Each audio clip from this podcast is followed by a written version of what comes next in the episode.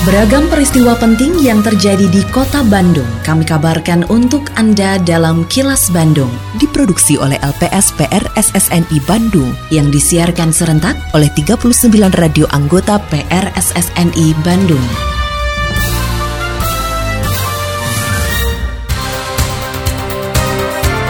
Sejumlah informasi aktual kami hadirkan untuk Anda dan inilah informasi utamanya. Warga mendapat manfaat dari pengelolaan sampah. 12 calon jamaah haji asal Jawa Barat meninggal di Tanah Suci. Menpan RB minta percepatan mall pelayanan publik. Saya, Santika Sari Sumantri, inilah kilas Bandung selengkapnya.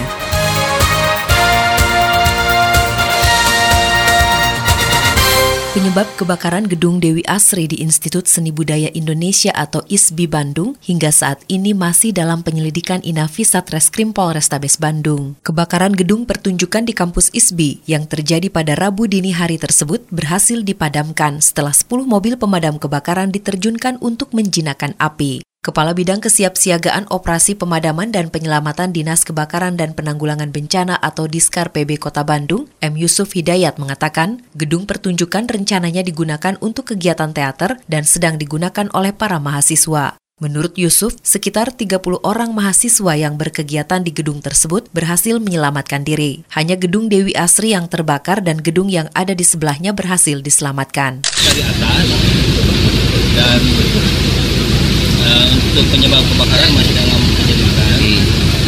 Kemudian untuk jumlah unit yang terjun penanganan ini sebanyak 10 unit dari pusat dan dari timur. Pengelolaan sampah secara mandiri di RW 19 Kelurahan Antapani Tengah Kecamatan Antapani Kota Bandung memberikan manfaat bagi warga setempat. Pengelolaan dilakukan di lahan milik RW dengan nama Jasmine Integrated Farming. Sekretaris Jasmine Integrated Farming RW 19, Anindya Puspitasari mengatakan, dalam waktu satu pekan terkumpul 3.200 kg sampah organik dan 100 sampai 150 kg sampah anorganik. Sampah anorganik disortir untuk diberikan ke bank sampah induk, sedangkan sampah organik diolah untuk menjadi pakan magot kompos pupuk. Dari hasil pengolahan sampah tersebut, warga mendapat sayuran dan pupuk cair organik. Sayuran organik yang dihasilkan dimanfaatkan untuk pencegahan stunting pada balita. Tentunya dengan adanya akses ke sayuran organik ya. Jadi kalau misalkan warga yang sudah memilah, uh, itu kan kalau misalkan mau sayur organik juga kan kita persilakan. Dan itu sayur organiknya juga kan kita bagikan ke yang balita-balita di sini gitu untuk program pencegahan stunting. Suara DPRD Kota Bandung. Anggota Komisi A DPRD Kota Bandung, Erik Darmajaya, mengaku akan mengakomodir warga yang mengadu terkait polemik kepemilikan aset Bandung Zoo atau Kebun Binatang Bandung. Pasalnya selama ini pihak pengelola Bandung Zoo tidak pernah melakukan audiensi dengan DPRD sehingga tidak mengetahui persis kendala yang dialami pengelola sehingga belum membayar sewa selama bertahun-tahun. Politisi PSI ini mengatakan DPRD hanya mengetahui bahwa lahan tersebut merupakan milik pemerintah kota Bandung dan belum dibayar sewanya bertahun-tahun oleh pengelola. Ya tentu kalau secara pribadi saya di sebagai amanah jabatan ya tentu kalau ada masyarakat yang mengadu ya tentu harus kita akomodir ya kan hmm. gitu. Siapa pun itu apa pun itu bentuknya ya harus kita akomodir kan begitu. Tentu tapi kan berdasarkan surat maupun lain-lain kan tidak tidak pernah ada kemarin juga dengar gunjang-gunjing rapat reguler kita tanyakan eh, bagaimana itu. Nah versinya masih begitu bahwa itu Pemkot Bandung digugat dan itu betul tanah milik aset milik Pemkot dan sewanya juga belum dibayar sudah bertahun-tahun dan tidak mau membayar kan begitu. Kalau mau digali lagi ya harus ada data-data lebih atau harus penggugatnya bagaimana? Nah itu kan tidak karena mereka masing-masing eh, pihak sana yang merasa dirugikan kan langsung menempuh jalur hukum perdata ya. Kini audio podcast siaran Kilas Bandung dan berbagai informasi menarik lainnya bisa Anda akses di laman kilasbandungnews.com. Kementerian Pendayagunaan Aparatur Negara dan Reformasi Birokrasi atau Menpan RB meminta pemerintah Provinsi Jawa Barat untuk mempercepat dan memperbanyak mal pelayanan publik di kota dan kabupaten. Menpan RB Azwar Anas mengatakan langkah tersebut diperlukan untuk memberikan kemudahan kepada masyarakat yang membutuhkan pelayanan dari pemerintah. Anas meminta setiap daerah untuk tidak mempermasalahkan gedung yang akan digunakan sebagai tempat pelayanan kepada masyarakat, karena pelayanan publik bisa dilakukan secara bergerak. Kita bersama-sama Pak Gubernur mendorong agar mall pelayanan publik di tingkat kabupaten kota segera tumbuh. Dan kami sampaikan ke Pak Gubernur, gedung itu nomor dua. Kadang kita terjebak di pembangunan gedung. Gedung yang ada tinggal diperbaiki, yang penting layanannya terintegrasi memudahkan rakyat. Nah, kemudian Bapak Presiden berharap juga, seperti di beberapa negara, ada mobile service. Jadi selain direct service, datang ke mall publik juga ada mobile service. Nah, kalau di Azerbaijan mobile service-nya selain mobil keliling ada kereta api keliling. Nah, kalau perlu Pemprov Jabar dengan kereta bikin layanan di Cimahi atau di Bekasi misalnya. Setiap hari apa keren. Nah, yang terakhir adalah yang dengan HP yaitu digital service.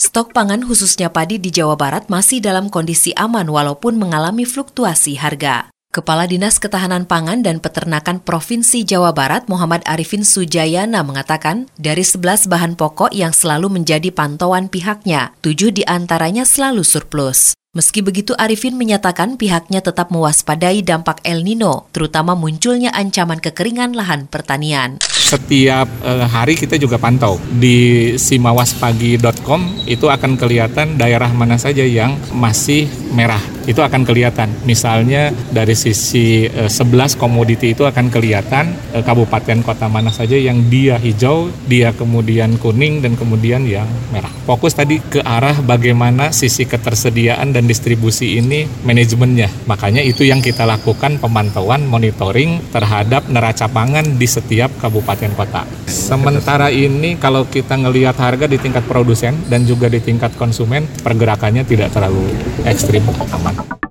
Hingga Rabu dini hari, tercatat 60 orang calon jemaah haji meninggal dunia di Arab Saudi. Dari jumlah tersebut, 12 orang di antaranya merupakan jemaah haji asal Jawa Barat melalui embarkasi Jakarta-Bekasi. Sekitar 81 persen jemaah haji yang wafat termasuk kategori lanjut usia atau berusia lebih dari 65 tahun dengan mayoritas penyandang komorbid atau penyakit bawaan dari tanah air. Kepala Bidang Kesehatan Petugas Penyelenggaraan Ibadah Haji atau PPIH Embarkasi Jakarta Bekasi, Resi Arisandi mengatakan, dari 12 calon jemaah haji asal Jawa Barat yang meninggal dunia, dua di antaranya meninggal dunia sebelum berangkat ke Tanah Suci. Berdasarkan laporan keduanya sakit jantung dan ada yang terkonfirmasi demam berdarah atau DBD. Kondisi manusia itu kan berubah-berubah ya, jadi e, kalau bisa memang harus dari setahun atau dua tahun sebelumnya kita benar-benar sudah punya data jamaah yang akan berangkat sehingga kita dapat bina supaya mereka sehat ketika uh, melakukan ibadah haji. Uh, ini rata-rata usia berapa pak yang meninggal pak? Uh, biasa Risti ya ada sih ya kalau yang jantung kadang-kadang ya dia punya bawaan jantung kan umurnya sebelum Risti juga ada rata-rata sih ya di atas 60 semua. Assalamualaikum warahmatullahi wabarakatuh. Sampurasun, salam pariwisata. Dalam rangka meningkatkan promosi pariwisata, Disdukbar Kota Bandung selalu menghadirkan informasi terkini perihal kebudayaan, pariwisata, dan ekonomi kreatif dengan media yang digunakan untuk Instagram Live dilakukan setiap hari pukul 11 siang, 1 siang, dan 4 sore. Dan untuk siaran radio reguler dilaksanakan setiap hari Jumat pada pukul 13.30 di Radio Sonata FM. Dan untuk konten foto, video, serta konten lainnya ada pada Instagram tic.bandung. Dan buat Anda yang ingin mencari mencari informasi secara langsung, dapat mengunjungi kantor Turis Information Center di tiga lokasi. Lokasi pertama di kawasan Masjid Raya Bandung, lokasi kedua di Bandara Hussein Sastra Negara, dan lokasi ketiga ada di Lobi Hejo 23 Pascal Shopping Center Bandung. Mari dukung kemajuan pariwisata di Kota Bandung dengan follow Instagram tic.bandung. Hatur nuhun. Wassalamualaikum warahmatullahi wabarakatuh. Tetap patuhi protokol kesehatan meski Organisasi Kesehatan Dunia WHO menyatakan pandemi COVID-19 sudah berakhir. Dapatkan dosis vaksin COVID-19 secara lengkap untuk meningkatkan antibodi dan efektivitas vaksin di dalam tubuh. Terima kasih Anda telah menyimak kilas Bandung yang diproduksi oleh LPSPR SSNI Bandung.